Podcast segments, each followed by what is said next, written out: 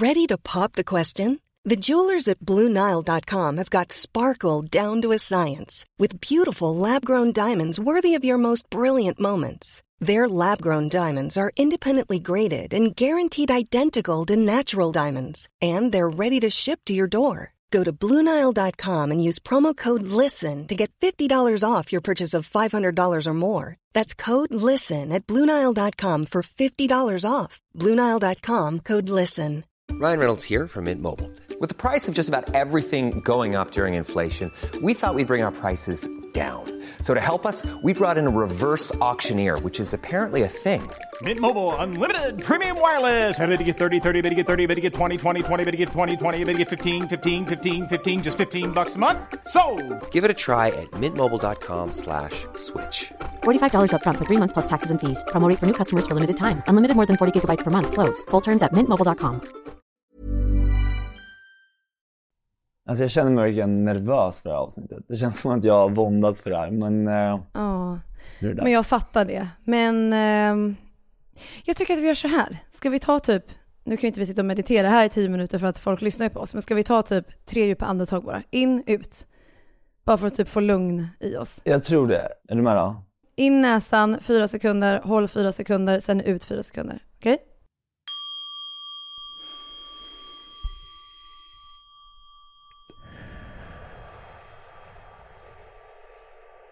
Ja, men vi är så himla glada att vi får göra den här podden tillsammans med er och tillsammans med dig Jossan. Och vi är sponsrade av våra kompisar på Happy Flops. Det är alltså sommarens perfekta outfit-detalj. Ett par tofflor som finns i exakt alla färger. Och Happy Flops är ju inte bara kända för sin otroliga komfort utan de är ju kända för sina otroliga färger. Jag tycker generellt att man klär sig lite för mycket i svart och vitt, i alla fall jag. Jag tror att många kan hålla med mig där, eller hur Viktor? Du också kanske?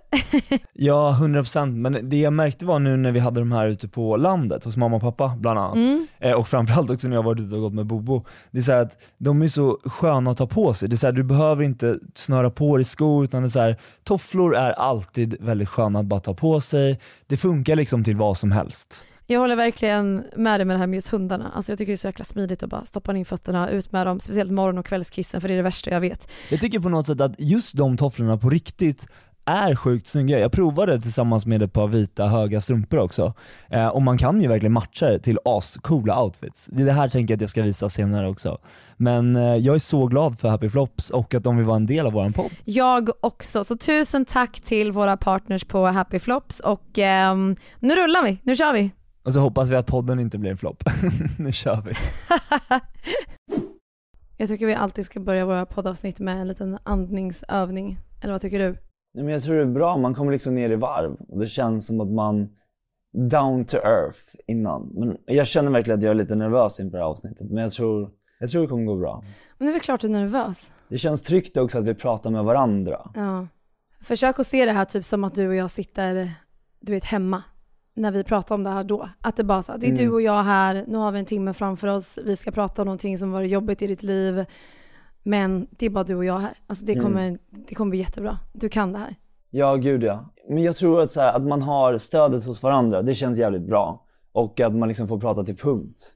Jag gjorde ju den här intervjun i Nyhetsmorgon. Tanken var ju inte ens att jag skulle alltså, berätta allting. Utan det var ju mer att det, alltså, jag fick en magkänsla och den sa bara kör nu. Alltså bara berätta allt så behöver du aldrig mer tänka på någonting utan då är du fri ifrån dina egna demoner.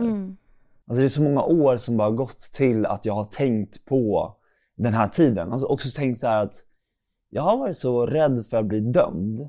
Jag har varit så rädd för att, liksom, att folk ska liksom, tycka att jag har betett mig illa eller att jag liksom har gjort fel val i livet.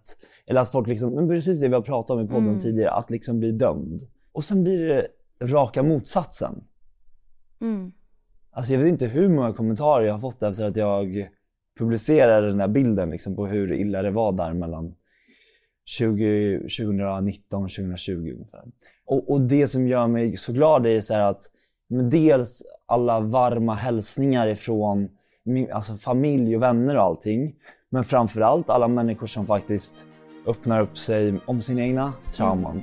Mm. Saker som folk har struggle med idag. Alltså det är så många människor som mår dåligt idag. Och därför känner jag att den här podden behövs mer än någonsin. Mm. Det är så fint att du säger det. När vi släppte den här podden, alltså jag får alltid mycket meddelanden på Instagram om liksom folks måenden och relationer och så vidare. Men när vi släppte den här podden så har jag fått mer än någonsin där folk verkligen också vågar öppna upp sig. Och jag är så tacksam att så här, gud, vågar ni det här så vågar jag också. Och typ att det känns tryggt för dem att vi gör det här tillsammans med dem. Så det är så fint att du säger det att den här podden är typ viktigare än någonsin nu. Det är jättefint och jag håller verkligen med dig.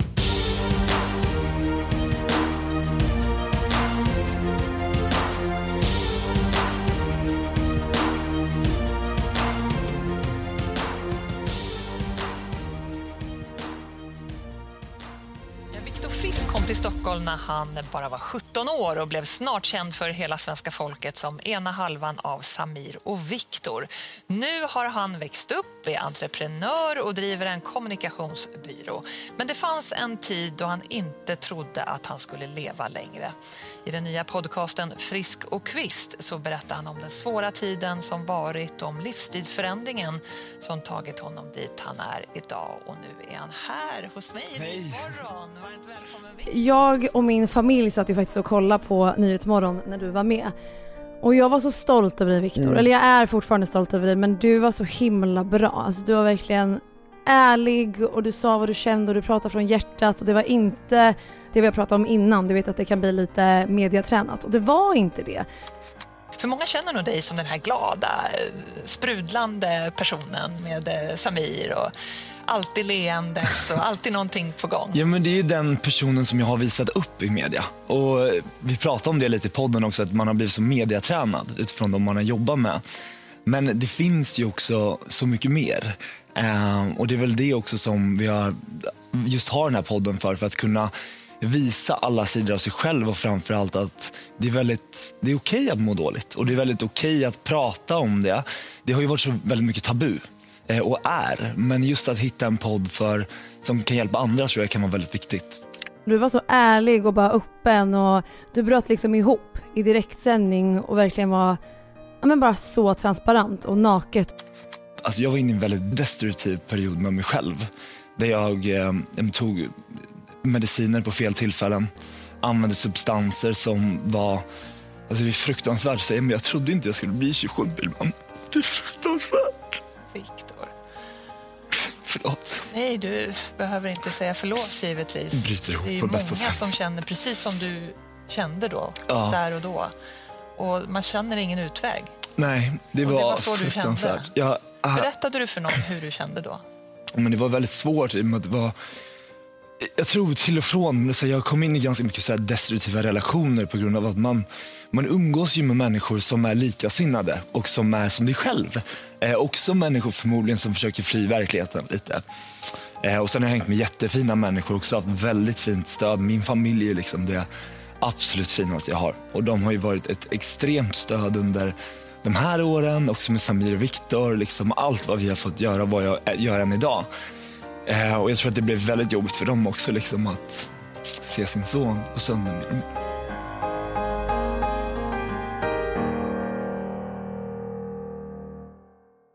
Jag är så stolt över dig, du var jätteduktig.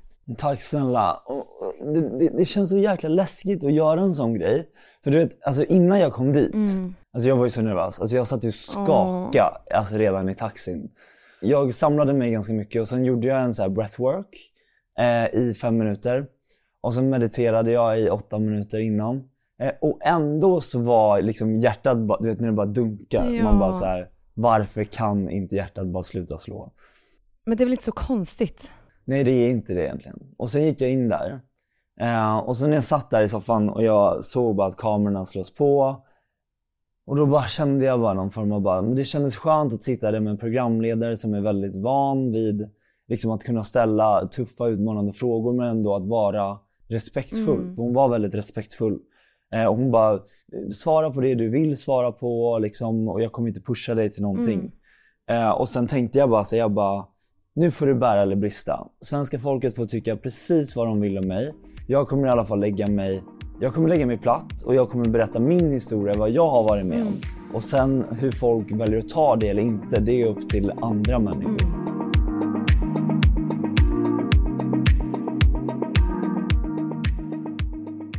Jag tycker att det är en sån stor, vad ska man säga, utveckling i din resa. Det är ett sånt stort steg. För tänk hur det har varit innan. Tänk så länge du har hållit på det här och nu sitter du liksom i direktsändning på TV4 Nyhetsmorgon och bara outar det. Alltså förstår du vilket kliv ut det är? Nej men det var som att ta ett, ett steg rakt ut ifrån typ så ett stup. Ja. Man här, Och du bara hoppas jag inte dör Shit. liksom. Ja, exakt. Nej, det gjorde jag inte. Men det här avsnittet ska ju faktiskt bli ditt avsnitt. Um, I första avsnittet vi släppte så, vad ska man säga, droppar vi lite, ja men stora grejer som har hänt oss i livet som har påverkat oss och faktiskt, ja men gett oss mycket ångest men också gjort dem vi är idag liksom. Det har faktiskt gjort, vad säger man, det har gjort dem, det, har- det har gjort dem till, man blir, vad fan, hur säger vad är det man? man säger? Ens motgångar gör en starkare. Ja men precis, det är det jag vill komma fram till. Och det här är ju en av de Mm. grejerna som vi pratar om, det är ju där vi ska gå igenom idag. Så det här är ju faktiskt tillägnat till dig, det är ju ditt avsnitt. Så um, jag känner liksom att vi, vi, vi börjar bara, eller är det någonting du vill prata om innan för att liksom lätta upp stämningen lite? Vill du, hur har veckan varit till exempel? Ja men vi kan ta veckan först. Veckan har Ja. varit bra. Eh, Jag har kört på liksom med våran challenge. Eh, Jag har varit, ute, i- jag har varit i Köpenhamn med- på ett event. Ja, jag såg det. Det såg skitkul ut. Ja, det var skitkul. Jätte, jätteroligt. Kul att få hänga med lite nya människor Ja. också. Du får hänga med nästa gång. Det var faktiskt Men alltså väldigt, jag blir ju väldigt inte inbjuden för jag är inte lika känd som dig. Alltså det är ju det här som är grejen. Du åker iväg på så mycket roliga Jo, vet grejer. du vad? Jag tar med dig. Nej, jag kommer vara din så plus one genom det här. Nej, absolut inte. Så Nej. tvärtom.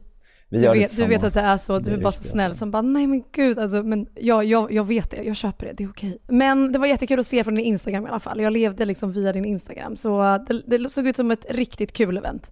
Ja, men framförallt, vi fick åka segelbåt, jag och Filip. Eh, och de kör ju så här Volvo Ocean, eller inte Volvo, de kör något som heter O- Ocean Race.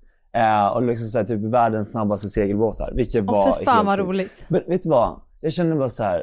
hur har din vecka varit? Sen går vi in på det här avsnittet.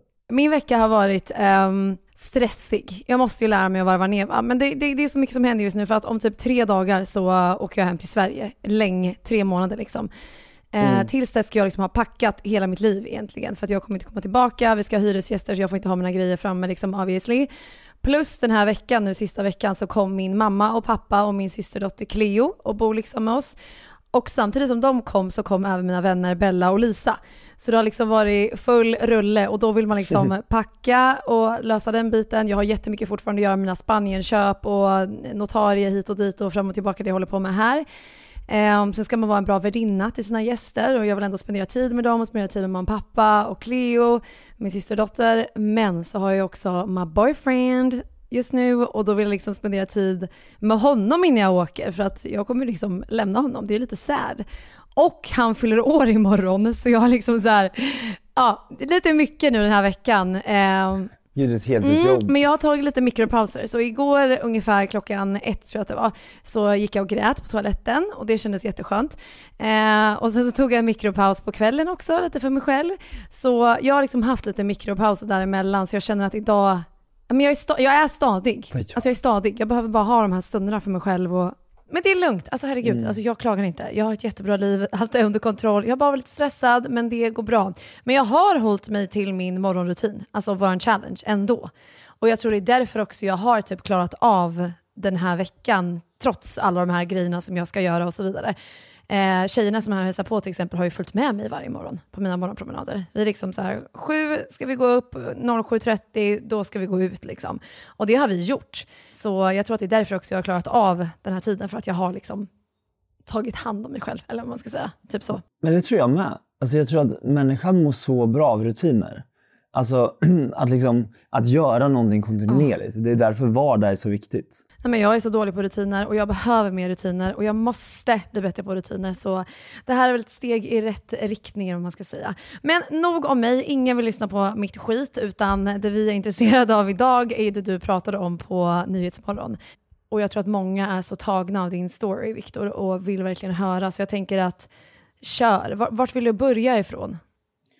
Fick jag ont i magen direkt. Nej. Men alltså, det jag kan börja med att säga är så här att det är någonting som händer för att jag har alltid varit en väldigt... Alltså, jag har varit en människa som har, jag har varit väldigt emot droger. Jag har varit väldigt emot att min pappa rökte när jag var liten. Jag var alltid den som bröt av cigaretterna för att jag var så här, min pappa ska inte dö i förtid. Alltså typ så är det med jag menar. Så jag har varit liksom lite rädd för allt det där och liksom varit väldigt eh, försiktig och verkligen så här värnat om mig själv eh, i alla år. Men det som sker när man bränner ljuset i båda ändar, det är så att man får inte glömma att jag och Samir var ganska unga när vi körde igång. Jag var 18. Uh, och alltså jag var ju så oförstörd. Att sen sätta det tempot på oss. För första åren så var det ju jätteroligt. Alltså första åren så levde man ju alltså popstjärnedrömmen. Det var ju bara så här, allt var bara kul. Vi fick, vi fick liksom göra eh, de stora scenerna. Vi fick, liksom, vi fick liksom känna på det goda livet men att vi fortfarande hade, hade väldigt kul. Kan du inte också berätta lite hur du och Samir träffades? Och typ hur ni kom på allt det här? Liksom, vad, vad hände? Hur blev ni liksom Samir och Viktor? Ja, men det här är en väldigt bra fråga. Eh, men jag och Samir hade gemensamma bekanta. Han hade precis eh, varit med i Paradise Hotel och jag hade en modeblogg. Man hade väl en blogg egentligen där jag la upp allt ifrån kläder till vad jag gjorde om dagarna. Eh, och sen så via gemensamma vänner så träffades jag och Samir. Vi träffades första gången på en eh, klubb i Göteborg som heter Babar. Den finns nog inte kvar idag, men jag kommer ihåg det här väldigt starkt. För det är liksom när två killar av typ samma skrot och korn möts. Alltså du kan ju tänka dig att båda två liksom har haft samma struggle i uppväxten med att vilja lite för mycket, vara lite för mycket, hela det här ADHD-perspektivet. Och sen när vi träffades och bara så här, vi ska ta över världen. Ingen fattade ju hur, men bara hela grejen. Så att vi hängde ju jätte, jättemycket där i början. Och det gjorde ju också Ja. att vi fick ett väldigt starkt band till varandra och blev, men vi blev ju bästa vänner. Och tanken var ju inte att Ja. vi skulle göra musik. Vi har aldrig sagt på något sätt att vi kan sjunga, utan det här var en låt som heter Success. Och det liksom var en låt som vi gjorde mest för skojs skull. Jag kände en kille som var låtskrivare och producent som precis hade kommit hem ifrån LA. Han sa att ah, men ni borde göra en kul låt, för vi började göra typ som ett litet klädmärke där vi hade sett de här snygga posture-tröjorna som fanns på Carlings, typ så här baskettröjor. Och sen så Ja satte vi ordet success på för att jag hade en kontakt inom klädindustrin. Och det började där. Det började liksom med ett klädmärke eh, som vi gjorde en t-shirt och en keps med. Man ser verkligen att du typ blir glad när du pratar om det här. Alltså i eran början, liksom, att du, du lyser liksom, när du pratar om det här. Det känns som att du verkligen, att det ligger dig nära hjärtat, den tiden, i början. Liksom. Ja, det var väldigt kul och det är därför jag ler för att jag kommer ihåg så, jag, jag kommer ihåg så sjukt många minnen av allt vi, vad vi har gjort. Men i alla fall så, så ringde han kompisen mig och bara så här, men jag tror att jag har en, en låt till er. Kom in i studion så provar vi liksom. Och så kommer jag ihåg att vi åkte in till studion och Samirs pappa bara, ni grabbar, ni kan inte sjunga. Vi bara, nej, absolut inte. Sa han det till er? Ja, ja, ja, gud, han tyckte vi skulle göra t-shirtar istället. Åh gud, vilken tur att ni fortsatte sjunga. Ja, ja, ja, gud ja. Korta drag så fick vi komma in i studion och tanken var väl egentligen inte att vi skulle släppa den här låten utan mer att det skulle vara en ploj, rolig grej. Och vi tog väl ord för ord. I och med att vi inte kunde sjunga då får man ju ta ord för ord för att klippa in i låt för att det ska låta bra. Och sen lite autotune på det. Det är väl våran, har varit våra bästa vänner under årens gång. Och den där låten slog ju. På en natt så tror jag att den hade så här 200 000 streams. Så att, mm, alltså, makten och kraften av sociala medier då var helt brutal alltså. Och Ja, sen, Alltså när man ser tillbaka på den tiden så här, med just, alltså när han var med i Paradise Hotel, Mm. även typ så här Erik Hagberg, du vet de här när de var med i Paradise, alltså de var ju liksom alltså kändisar. De blev Ja, liksom gud, alltså, ja. känd, kändisar. Idag när man är med i reality-tv, man, så här, ja, man får lite följare på Instagram, man är typ en i mängden lite. Men de blev ju verkligen, nej men alltså kändisar. 100 procent. A-kändisen. Jag heter Samir Badran, jag är 23 år gammal. Jag kommer från Linköping, bartender. Det är jag det. Den här, Success, den stod för att jag kom med i Paradise Hotel faktiskt. Och där, jag blev så jävla lycklig. För det är tredje året jag söker. De var verkligen kändisar. Jag minns det så väl så jag kan tänka mig att ni hade en enorm kraft när ni släppte det här. Ja, men det, blev, det blev en enorm kraft. Och eh, sen så började ju bokningsbolag höra av sig. Så att vi signade ju med ett skivbolag på en vecka. Åkte ner och spelade in musikvideo. Oj. Det här var också skitkul för det var så en familjär grej. Både min pappa och Samirs pappa hängde med på hela den här inspelningen och sen pappa körde ju oss i början så körde han oss dag och natt genom hela Sverige. Unicorn vill lämna mig This is fucking paradise Och han bara, det var så jävla kul med dig och Samir för att han bara, jag tänkte att jag skulle lyssna på ljudbok. Men om en sov tre timmar så höll den andra låda hela tiden. Så han bara, jag fick aldrig lyssna på min ljudbok. Fick bara sitta och lyssna på er två. Åh, men vad roligt ändå. Det där visste inte jag. Att, ni liksom, att det var sån här familjegrej i början. Jo men första sommaren så var, vi delade upp det som två familjegrejer. Så att Samirs mamma och pappa var med halva tiden och sålde t-shirtar och merch. Och min familj var med halva tiden. Och sen så hjälptes vi åt liksom, för vi hade ju inte Alltså vi hade ju inte den grunden då så att vi hade ett bokningsbolag. Utan då var det med att vi blev bokade lite hipp som happt. Lite nattklubbar, några scener, någonting mycket mindre i en bilhall. Och, och då hjälpte ju familjen till. Och jag tror de tyckte att det var ganska kul i början. Det tror jag också. Herregud, det tror jag verkligen. Men känner du att när ni väl signade med liksom, eh, vad heter det, musikbolag liksom, och eh, men liksom när ni fick managers och liksom det kom in folk som såg att okej, det här är en pengamaskin. Kände du en skiftning då? Från det här glada familjegrejen, ni hade jättekul och sen plötsligt så blev det seriöst och det fanns krav och pengar, eller hur, hur kändes det? Men det började med att vi hade en sommar där vi åkte runt. Vi åkte till Halmstad, Eskilstuna, Norrköping och, och hade skitkul. Eh, och sen efter den här sommaren så ringde ju Christer Björkman och det var ju första året vi var med i Melodifestivalen. Och jag tror att jag märkte en skiftning från den natten att vi var med i Melodifestivalen till att vi blev, att vi blev ett med hela svenska folket med Samir och Viktor. Först ut ikväll är Samir och Viktor som tävlade i Malmö och gick därifrån vidare till andra chansen och tog sig hit till finalen.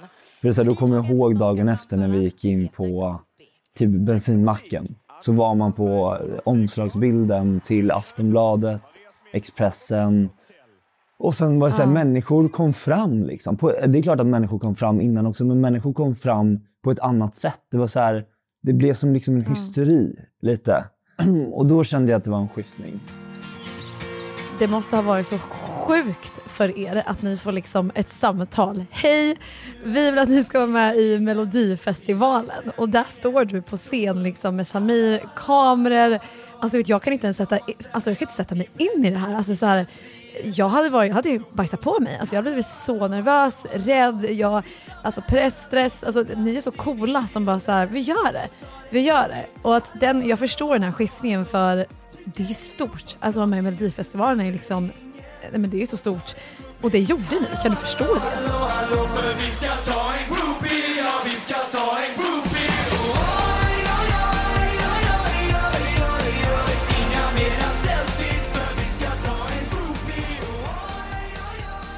Nej, det är helt sjukt. Alltså, jag tror inte riktigt man fattar förrän man står där och det är ju kameror i varenda vinkel. Så du liksom så här, Hur kändes du måste det? leverera på topp.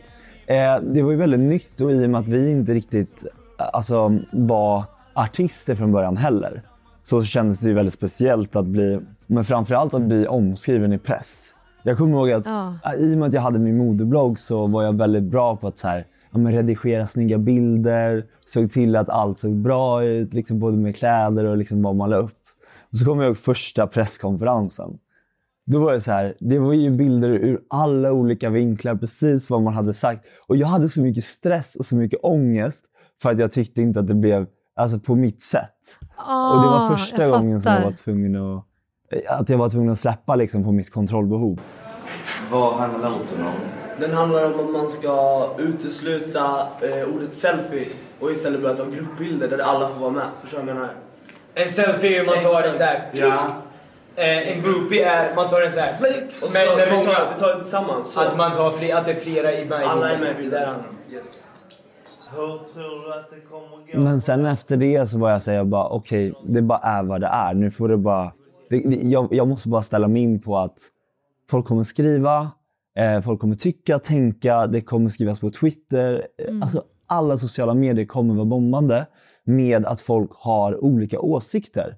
med all rätt. Det, är så jag hade säkert också haft åsikter om, om det kom in en duo som hade varit som mig och Samir.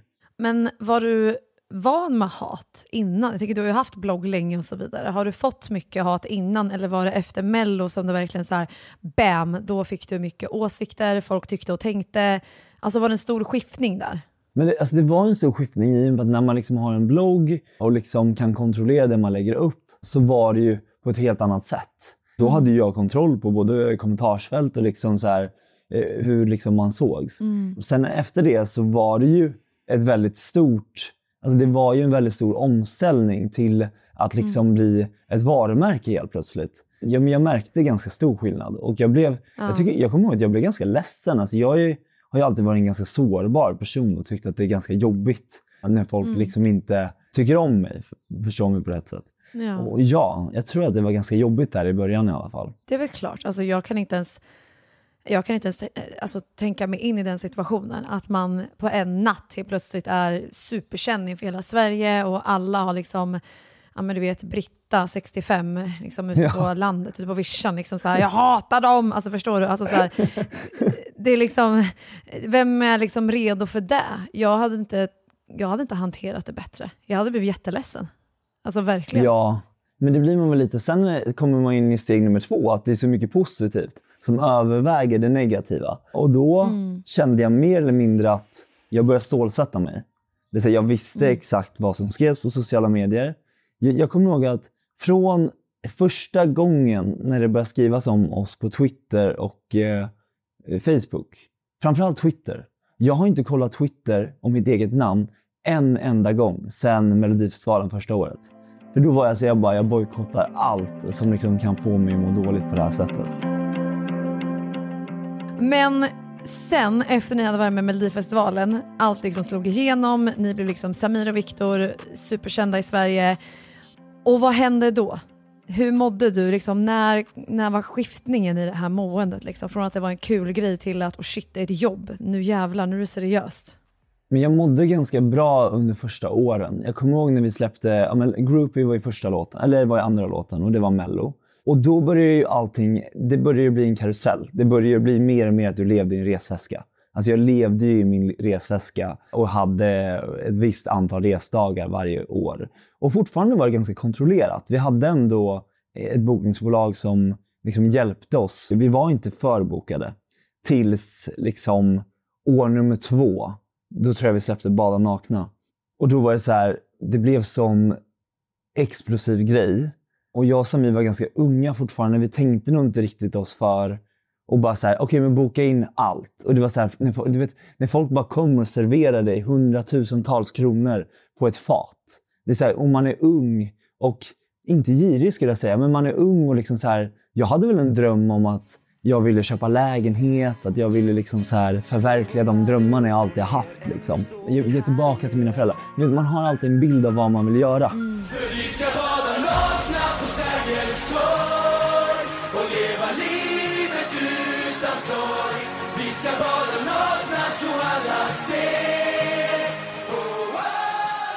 Nej, men första åren där som sagt, då, då mådde jag ganska bra. Det var ganska stabiliserat.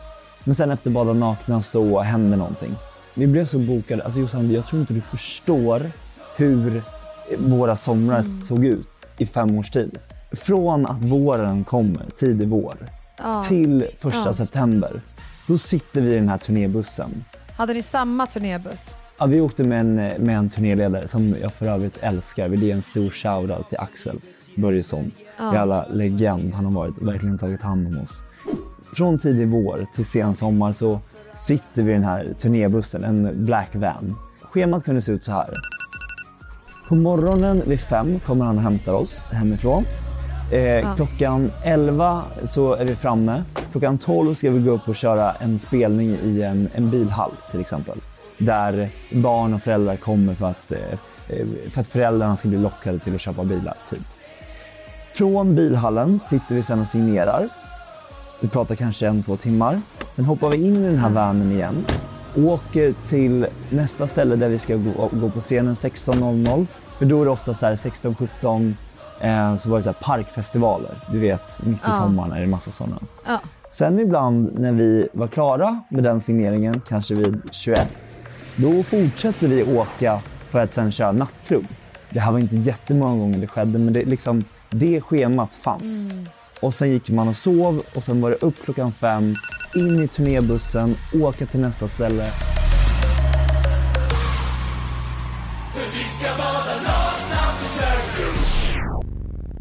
Jag vet att det var inget skivbolag, inget produktionsbolag som ville sätta oss i fel sits. För att vi var unga, vi hade det valet vi hade. Vi pressade på. Vi ville köra det här för att vi tänkte att men vi var odödliga.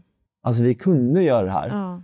Eh, för vi var unga och sen tänkte vi här, vi gör det här några år och sen kommer vi aldrig mer behöva göra det här igen.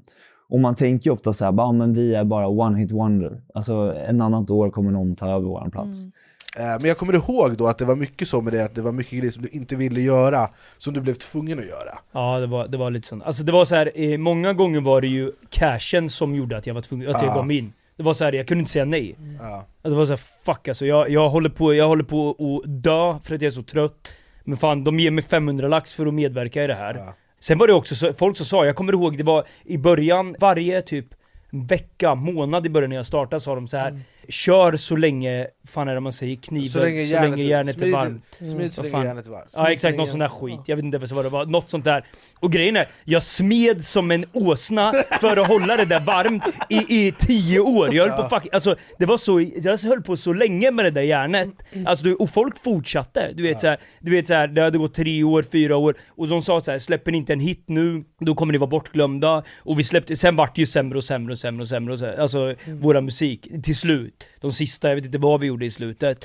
Ja, vi, vi, vi smed. Men också kommer någon, som du säger, och serverar x antal hundratusen och bara, alltså när man ser de här typ miljonbeloppen liksom framför sig och bara Åh herregud, det här kan liksom påverka hela min framtid. Jag kan göra det, det, det, det, det, det. Det är klart man Exakt. tackar ja. Man tänker ju inte, okej det här kommer få oss att må skit, speciellt inte i den där åldern. Så det är inte Men jag konstigt. tror, alltså jag tror många människor hade gjort exakt samma sak. Jag tror att man liksom Ja. där och då så tänker man inte så mycket. Du ser, du ser dina drömmar framför dig och liksom vad du kan göra. Men för att fortsätta då, så efter året att vi var med i Bada nakna, men då var jag i alla fall med om ett ganska stort trauma. Jag blev sviken för första gången på ett sätt som, som var helt sjukt. Liksom, det var någonting inne i mig som bara gick sönder. Och liksom så här, Var det där du berättade om när du var här och vi låg i sängen och snackade? Ja, När vi kollade på film? Ja. Ja, ja. okej. Då vet jag vad det är. Men eh, ber- berätta det du vill berätta. Berätta det du känner dig liksom bekväm med att berätta. Ja, men för första gången så var jag med om liksom ett, men ett... För mig så var det ett ganska stort trauma. Jag tror att jag misstolkade kärlek och vänskap. Och när man gör det, och det var första gången jag var intresserad av en kille också. Och inte vågade stå för utåt i och med att jag inte hade gått ut. Men bara hela grejen med att man, man tror att man blir älskad av någon så pass starkt. Och sen så går det över till, vad sa du att det hette? Silent... Eh, silent treatment. Exakt, silent Alltså man, treatment. att man ghostar någon. Ja. Men Viktor, jag tycker du också är lite hårdare mot dig själv. Att du säger att du misstolkade kärlek och vänskap. Det, det tycker inte jag riktigt du ska lägga på dig själv. För att så som den personen betedde sig mot dig var ju inte vänskapligt. Alltså så gör man ju inte med sina vänner. Utan det är inte konstigt att du kände saker för den här personen och liksom tänkte att det var mer, för det var ju det den visade för dig. Så det tycker inte jag du ska lägga på dig själv alls. Nej, men jag tror man gör det i och med att det är ofta så att det som händer, man, man är ganska bra på att lägga ansvar på sig själv. Är med vad jag menar? Ja, ja, Ja, det är det som är synd. Men i alla fall, så under den sommaren där när det skedde, så någonting går sönder inom mig.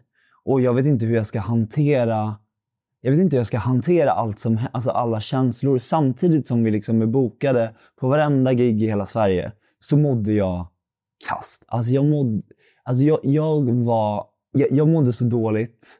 Och jag åkte in och ut från psyket kanske tre gånger. Och jag bara så här, jag bara, det är när man bara skakar. Jag, bara så här, jag försökte liksom säga, jag hade nära vänner runt om mig som försökte verkligen. Det var då de bara så här, men eh, köp en ny lägenhet. Eh, vi liksom försöker, eh, liksom, vi bokar av. Och bara så här, ingenting gick att boka av. För du vet hur det är. Det, man är bara inne i en cirkus. jag, alltså, jag kommer ihåg att mitt under de här stoppen av turnén som bara pågår samtidigt så åker jag in till Bobbys hårsalong och bara rakar av mig håret. Ja. Det var ett rop på En hjälp. Britney Spears liksom. Ja, ja, det är så jävla dumt så det finns inte. Men det är ett rop på hjälp. För att så att... Du, alltså man lever drömmen och man är bara inne i det som jag tror väldigt många människor också drömmer om.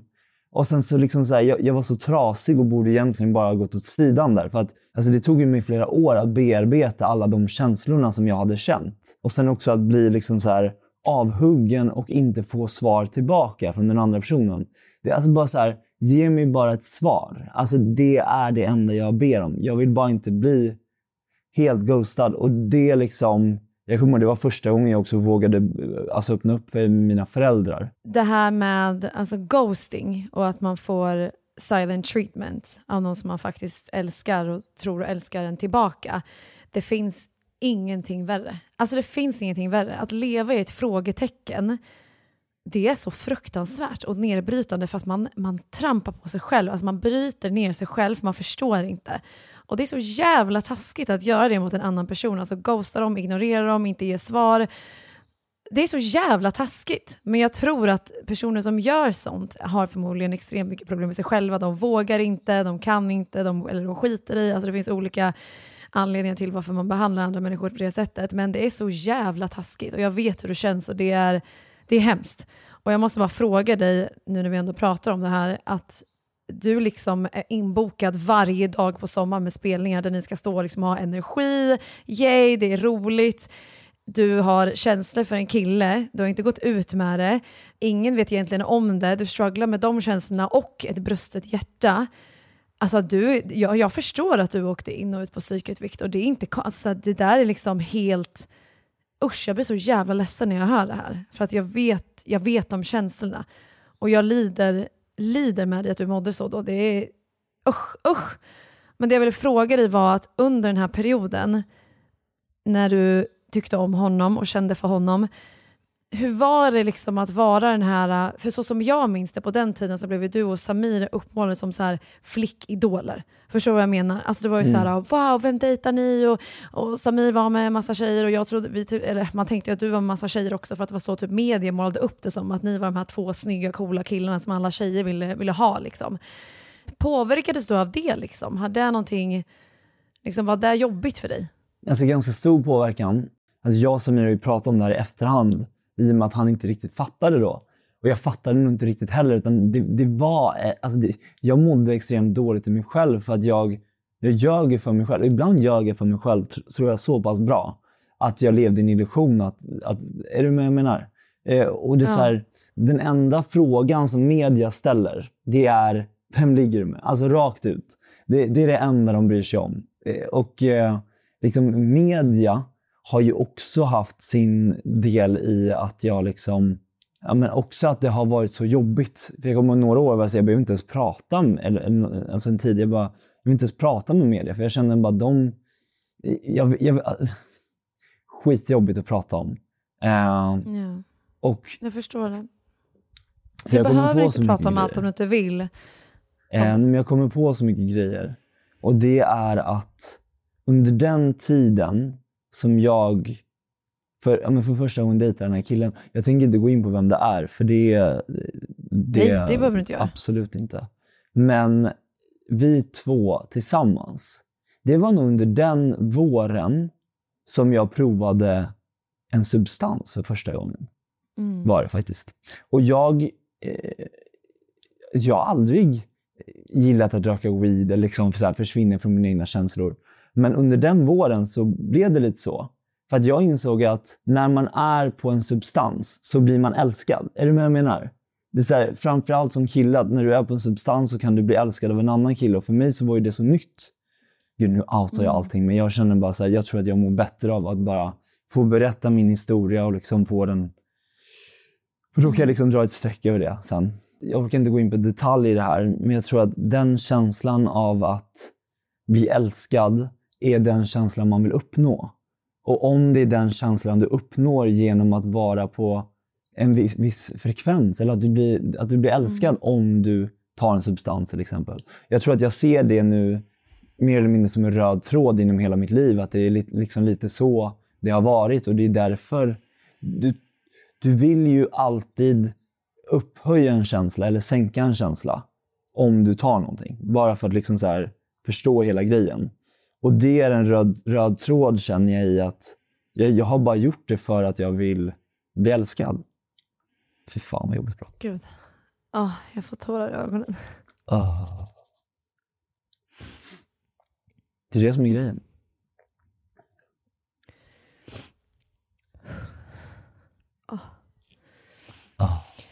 Oh, det är bra att vi får ut det här, det är okej. Det är jättebra.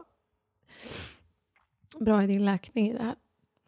Usch, det är så jättehemskt att höra och det är så fint att du vågar dela med dig, Viktor. Alltså verkligen. Men, uh. och det här som du pratar om, det här att man bara vill bli älskad. Ah, vi har ju pratat om det så många gånger och så mycket konstigt man har gjort i livet och saker man kanske egentligen inte ens vill men man vill bli accepterad och man vill vara med och man vill bli älskad och omtyckt för den man faktiskt är. Och, och den man är är ju inte den personen man är när man sitter där och gör de här grejerna med de här personerna. Det är ju inte den man är. Men man gör det för att man vill passa in. Alltså det var så långt ifrån den jag är. Alltså det var så långt ifrån den jag är. Om du, om du skulle liksom förstå vem jag var året innan till vem jag blev av det här traumat. Och jag tror att anledningen till att det också var så att vi tog substanser tillsammans och att man blev älskad, det var det som ledde till att jag blev bipolär.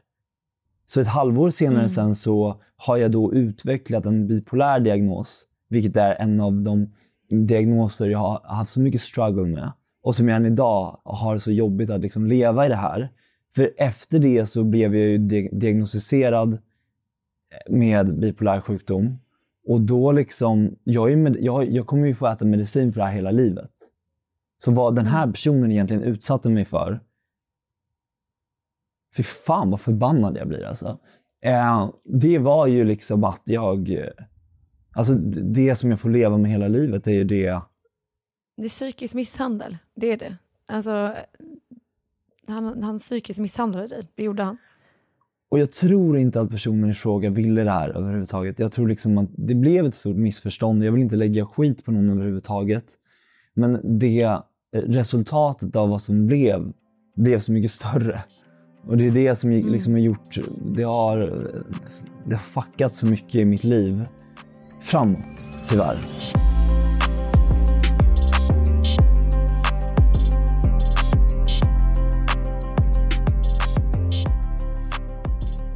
Så i hela den här processen med du och den här killen har era problem, du är bokad Mm. varje dag i princip, du är ledsen, media är på dig.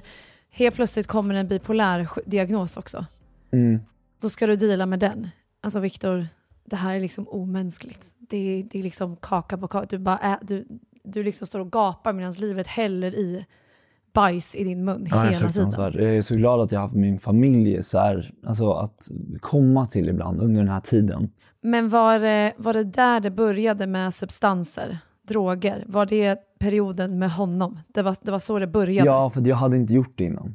Jag, jag drack inte ens alkohol förrän jag var 18 för att jag spelade hockey och att jag liksom så här ville göra det så bra som möjligt. Jag var, så här, Ja. jag, jag var väldigt sen med allting. Jag har liksom aldrig rökt cigaretter, alltså så här, Mm. inget nikotin, ingenting. Så att för mig så var det väldigt nytt. Men i och med att jag mådde så dåligt så var det redan då som att då ville jag bedöva en känsla. Och då insåg jag att det funkar på det här sättet, vilket är helt sjukt när man tänker efter. Och det är liksom någonting jag vill bara varna alla för att om man är med om sådana här grejer, det absolut farligaste du kan göra är att börja ta självmedicineringsvägen. För det är liksom, du är fast sen. Mm. Och du, det är svårt att ta sig ifrån djävulen. Vill du berätta vad det var du tog eller vill du? Det, men det var framför allt att vi, det var alltså eh, weed, marijuana. Mm. Men det var väl typ, det var det i början, för det var ju det som jag, Mm. jag var ju så rädd för allting. Så det var ju det enda jag vågade liksom. Ja. Ehm, och sen kommer jag ihåg att jag under en tid hade också massa sjuka vänner som tog tramadol. Och det var så också helt jävla sjukt. Vad är det? Det är mer som en, en ång, ett ångestdämpande som gör att eh, att du, eh, du liksom blir ganska avtrubbad, avdramatiserad. I och med att vi, vi körde på så mycket med turnén och allting och jag och Samir var ganska osams under en tid också. Det var också en en av de grejerna att under den tiden när jag träffade den här personen så var jag och Samir så jävla osams. Så vi åkte två olika bilar till turnén. Hur länge var det här bråket mellan er? Ett halvår.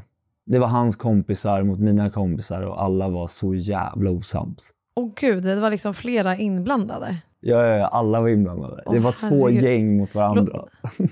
Men då åkte ni separata turnébussar, eh, asarga på varandra, kliver upp på scen, är Mm. bästa vänner, Ja. pratar inte med varandra efter åker hem. Ja. Alltså det, det är så sjukt, det, det trodde ju ingen. Nej, alltså det, det var bara en sjuk tid. Så det var ju också så jag hade ju behövt honom i den tiden. Men sen när allting sprack, då Mm. kom ju Samir och han var ju som en räddande ängel. Det var ju han som, alltså det var Samir som gjorde så att jag orkade med den turnésommaren. För han visste hur dåligt jag mådde. Jag låg på hotellrummet och jag bara, kan inte vi gå och träna tillsammans? Och han bara, jo men kom du kan sova hos mig. Så vi kollade på alla Beck-filmer, vi liksom, vi gjorde allt tillsammans. Vi, vi tränade efter varje och han bara, nu ser vi till att vi nu ser vi till att vara nyktra liksom, och vi hjälper varandra. Och, och han visste hur dåligt jag mådde. Och, liksom, och han var sånt jävla bra stöd för det gjorde att vi kom varandra så sjukt mycket närmare i och med att vi hade bråkat en period just där och då. Du vet, också i hela den här grejen, när man är bipolär så har man både maniska perioder och man har även depressiva perioder. Vi ska ta in en expert som kan prata mer om det här sen också. Men då får ju jag för mig att jag, jag har ju köpt året innan min, min alldeles egna första köplägenhet i Stockholm city på Tomtebogatan. Som jag var så nöjd över. Nej, men då får ju jag för mig att nu ska jag liksom ut i grönskan. Nu måste jag komma ut i grönområden. Jag måste komma utanför stan. Jag kan inte bo i Stockholm för det håller på att ta sönder mig. Så jag köper Annika och Marcellos lägenhet av någon sjuk anledning. Det var en fin lägenhet, men det var liksom utanför stan så det blev ju bara så här. Det blev inte alls bra. Det var så här det sämsta köpet jag har gjort någonsin. Men sålde du då lägenheten på Tomtebogatan eller? Ja, den sålde jag. Ja, du sålde den och sen köpte du deras gamla ute på, på landet för att du ville ha grönska. Ja, exakt. Och det här ser man ju som ett samband i att du går och rakar av dig håret, du går och vet du, tror att du måste ut i grönskan för att allt ska bli bättre. Mm. Du liksom tar livsval för att försöka få det på en bättring. Och jag måste säga att under den hösten sen, för hösten kom ju efter turnén, under Ja. den hösten sen så mådde jag väldigt bra. Jag hittade, jag kommer ihåg att jag tog in en PT. Men sen kommer vi till den stadiet att samtidigt så får vi erbjudande om att åka ner till Malmö och spela in Shuffla Shuffla. Också en, en låt som blev väldigt, väldigt stor. Och jag får också erbjudandet att vara med i Let's Dance. Så att vi gör Melodifestivalen, vi tränar inför det här. Det är några, några månader av sjukt dedikerat arbete. Samtidigt som vi gör Melodifestivalen går jag in i dansstudion och börjar köra med Let's Dance. Så där har vi också en sån grej att bränna ljuset i båda ändar samtidigt. Jag har ju hört om den här Let's Dance-grejen, eh, att det är otroligt tidskrävande och att folk typ skiljer sig. För att det är liksom så jobbigt och krävs så mycket. Och då att du hade det plus turneringar, det ena med det andra. Alltså, jag blir trött. Jag blir trött i mitt huvud av att höra det här. Ja, jag blir också helt, helt slut i huvudet av att snacka om det här. De dagarna när alla, efter en dans, när alla åkte hem och eh, vilade ut och sen gick tillbaka till dansstudion. Nej, men då gick jag upp fem på morgonen för att åka en turnébuss, för vi hade jättemycket gig inbokade. Samtidigt skulle vi också Mm. göra en så här helikopterturné. Så vi skulle göra så här 12 spelningar på tre dagar samtidigt som jag var emellan två danser. Nu efterhand är det här så absurt så jag vet inte. Herregud. Eh, och där någonstans så börjar ju allt kackelera. Jag bor inneboende hos en kompis i Vasastan, vilket var väldigt mysigt. Vi åker ut sen på riksturné, kör 80 spelningar. 80 spelningar. 80 spelningar. Och någonstans under den här tiden så börjar jag hamna lite snett. Alltså jag börjar helt ärligt må sämre. Jag ifrågasatte, jag ifrågasatte mycket min egen identitet, min egen läggning som jag hade väldigt svårt att acceptera. Även fast jag gick ut med den så hade jag svårt att acceptera den. Jag hade svårt att acceptera den jag är och den jag var fram till att jag träffade Andreas. Så det är så här, jag, hade så, jag hade så sjukt mycket struggle med mig själv och samtidigt som jag hade en bi- bipolär diagnos. Så att i långa drag så, alltså hela turnerandet gjorde ju att jag mådde väldigt dåligt och frågar jag så människor i efterhand Mm. Då säger folk bara så här, men du mådde ju så dåligt så att du, alltså, man såg på dig hur dåligt du mådde.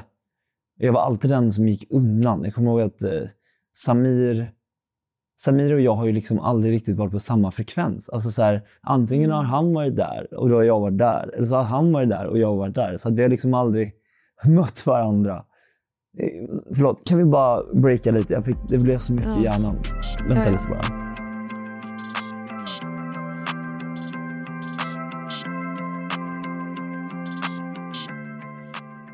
Du har ju berättat för mig att du har vänner då som du inte är vän med idag riktigt för att du valde att ändra om ditt liv och så vidare. Men var det någon då som liksom så här, hallå Viktor nu tar vi tag i det här, alltså jag ser att du mår skit, alltså, eller var du ensam i det här?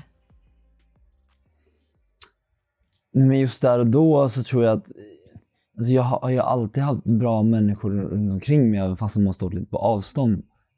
Eh, och all, de har ju sagt bara så här, men det, det var ganska svårt att hjälpa dig för att du gav alltid skenet av att allt var bra. Mm. Och jag kunde ju liksom så bygga upp en illusion om att allt var bra. Mm. Så att liksom, mina föräldrar hade ingen aning. Alltså ingen aning. Det är klart att mamma såg sista åren att jag mådde väldigt Mm. dåligt. Men alltså, du blir så bra på att dölja dina problem och liksom ska försöka att, att få det att se bättre ut än vad det är när du är inne. För att det, det absolut sista man vill är ju att folk ska tro att man mår dåligt. Så du, du vill ju bara hela tiden se till att prestera på topp. Du vill se till att liksom göra rätt saker, försöka liksom vara alla människor till lags. Mm. Och jag hade en ganska stor ident- identitetskris. Jag tyckte att det var väldigt jobbigt i och med att jag inte kunde acceptera mig själv för varken, varken min läggning eller för att jag hade svårt att liksom, eh, förstå mig på min bipolära diagnos, min ADHD-diagnos också. Den har ju alltid varit lättare att hantera. Men den bipolära diagnosen har ju varit jävligt struggle alltså. Men då här vid det här Ehm, tillfället så ja. hade du gått ut med att du alltså, gillar killar. Du hade pratat om det då.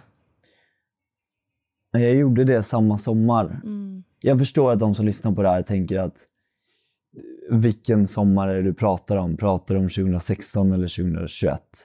Och det, det kom, alltså den här storyn går in lite i varandra för att jag själv, det var så många år så jag liksom har, jag har liksom glömt bort hur he, hela tiden var. Ja. Men eh, jag försöker i alla fall förklara det här på det sättet som jag såg det. Och det jag kommer ihåg. Mm. Jag tycker att du gör det jättebra. Du är jätteöppen, du är supertransparent, du vet vad du säger, du, du har koll. Alltså, så du, du kan det här. Och det, du är jättemodig. Alltså verkligen, och jättestark som vågar dela med dig av det här. Det är liksom, jag sitter med rysningar hela tiden. Alltså det är usch. Du, du är bäst. Men det var en sommar där, eh, där jag, jag pallade inte, jag orkade inte leva i en box längre. Om att jag gillade tjejer och att försöka ha alla undanflykter. Liksom, jag satt med de här noise cancellate hörlurarna för att jag orkade inte höra på vilka, vem Samir hade varit med. Liksom så här, jag orkade inte vara en del av det här ständiga snacket och blev påmind om min läggning hela tiden. För det var, så, att- det var som att folk bara stod med fucking spjut och bara ville förs- Alltså, ingen ville Ingen ville nog göra mig ledsen eller göra det egentligen, men i och med att ingen visste så blev det så omedvetet. Och det, Ja. blev, det blev så jobbigt för mig att hantera det där. Och det var väl då också som jag började självmedicinera. Mm. För att jag liksom så försökte fly från mina egna känslor.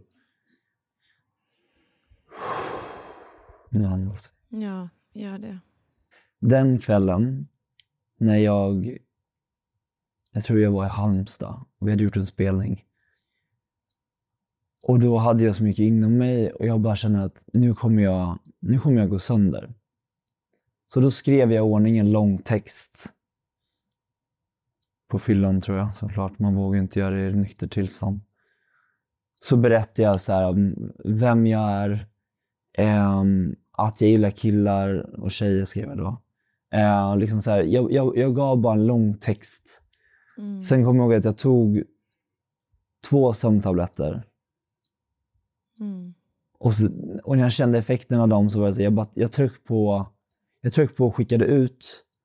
Och så la jag telefonen så långt ifrån mig som jag bara kunde. Och det enda jag kände bara så här, okej. nu, nu faller mitt liv. Nu, kommer min, nu finns det ingen karriär kvar. Eh, nu kommer folk se mig på ett annat sätt. Nu, liksom så här, nu kommer mamma och pappa eh, bli hatade. Alltså, det är så här, nu, nu, nu, nu, nu faller det. Det var det enda jag kände och jag var så, jag var så orolig för samma som att gå ut i det jag sa i Nyhetsmorgon så kände jag samma sak. Jag bara, alla kommer döma mig. Det här kommer stå på Aftonbladet, på Expressen. Jag kommer inte ha någon karriär kvar. Det är så fruktansvärt att tänka på det i efterhand, att jag, liksom, att jag såg det på det sättet. Att jag inte såg det som en styrka överhuvudtaget, utan snarare bara var, bara var livrädd. Liksom. Alltså,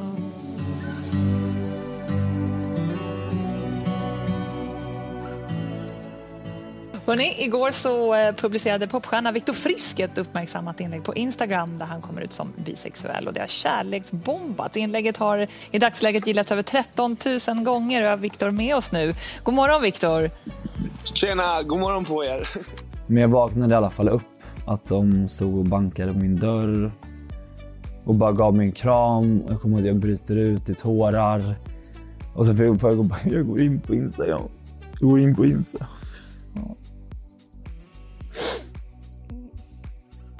Och så, så gick jag in på Instagram och jag... Eh, bara kärlek. alltså gud. Och jag bara, är det här det jag har gått runt och bara våndats för hela livet? Att, att få bli älskad. Mm. Och det var bara så här, som att den största stenen ifrån hela mitt liv bara föll och att jag äntligen fick liksom vara den jag är för en skull. Bara få... Bara få... Bara få vara mig själv. Och jag kommer ihåg att Samir ger mig en stor kram och bara. Fan brorsan, jag tror jag älskar dig också. Eller bara så här, han sa något sjukt. Åh. Som han är. Han bara, jag kanske också är bi. Jag bara, "Ja, säkert. Eh, och sen dess så var ju, det var ju som att alltså allt bara föll på plats. Det var väldigt skönt en tid. Mm. Och jag kommer ihåg det första smset. Du vet, man, man blir ganska rädd för att se vad reaktionerna har blivit. Och jag gick in och hade typ så här 400 sms. Och jag blev jätteglad för varandra. Men det finns ett som liksom utmärker sig. Och det är smset ifrån min pappa där det står bara så här. Du kommer alltid vara min son och jag älskar dig. Kommer alltid stå upp för dig, pappa.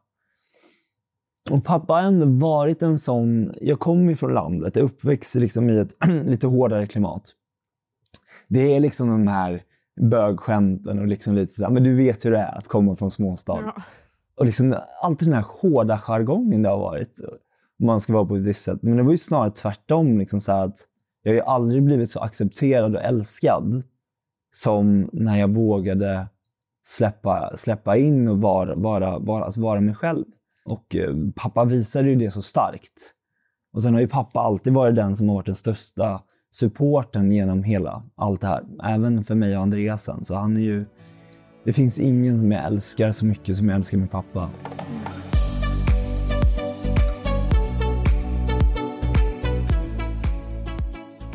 Och sen, det är ju en väldigt fin period i livet här. Sen vet inte jag riktigt vad som händer. Det blir väl bara en spiral av allting. Jag börjar umgås med fel människor. Jag börjar bara må ännu sämre. Framförallt så går jag in i den här röda tråden igen, att jag börjar dejta eh, killar som ger en kärlek fast på fel sätt vid fel tillfälle. Och då gör det att du vill ju återupprepa den känslan och därför börjar du ta substanser. För du tror att den här känslan ska komma igen. Och där kommer hela den här grejen med lustgas in. Som jag berättade om i Nyhetsmorgon. Men Victor, jag vet också att du eh, missbrukade lustgas som ju jättemånga unga gör idag i Sverige. Det är ett jätteproblem, många dör. Vad vill du säga till dem? Just det här med lustgasen är ju fruktansvärt i och med att det är ett berusningsmedel som är okej. Alltså det, det är inte olagligt. Men det här är också något som jag inte har berättat om som jag också kommer att berätta mer om i podden. Men det är ju att jag har ju fått ett bestående men. Att det cirkulerar som en känsla i händer och underfötter. Och det här fick jag när jag tog så mycket lustgas att jag fick B12-brist. Och det här var någonting vi skämtade om tyvärr förut. Men idag är det så här, det här är någonting som jag kommer få leva med hela livet. Man tror ju att nerver växer ihop inom 5 till 10 år. Men till alla de som tar lustgas där ute säger jag bara, för fan väx upp, ta bort den där skiten. Hur kul den är den där minuten så kan det här liksom kosta livet. Hej kära lyssnare, det här är Viktor som klipper podden, alltså inte Viktor Frisk. Fan vad glada vi är att du har hittat till Frisk och Kvist och vi hoppas du tyckte om det här avsnittet. Det finns fortfarande mycket kvar för Viktor att berätta men vi bestämde oss för att dela upp det här avsnittet i två delar. I del två går Viktor in i detalj kring lustgasen, hans nervskador, hur han blir tagen på Summerburst och allting som hände sen. Den här delen av avsnittet kommer vi släppa på söndag och hoppas självklart att du kommer in då. Tills dess så önskar vi dig en fantastisk fortsatt vecka.